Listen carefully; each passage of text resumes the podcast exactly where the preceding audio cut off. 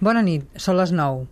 La corrupció ja és la segona preocupació dels espanyols darrere de l'atur, segons dades del CIS.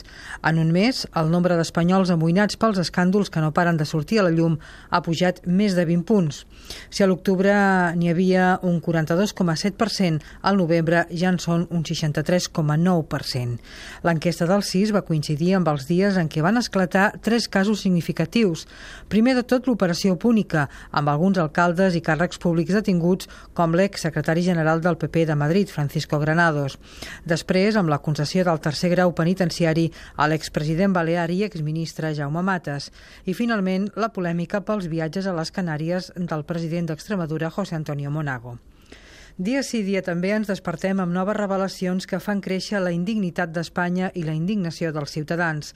Avui, per exemple, tenim un altre cas sospitós en la gestió de Rodrigo Rato com a president de Bànquia. Segons un informe pericial del Banc d'Espanya, l'entitat va sortir a borsa amb els comptes falsejats.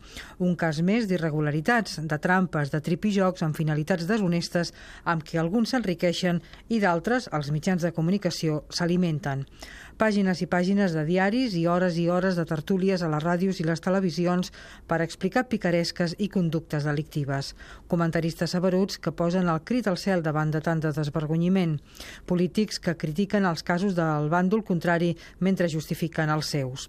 La proliferació d'aquests casos està provocant una corba ascendent en la indignació de la gent, però si la cosa continua així, té el perill d'acabar tenint un efecte anestèsia.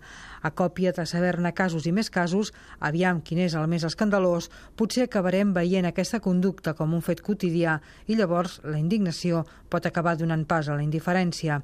No hi ha res pitjor que l'assimilació, que assumir la inevitabilitat de les coses.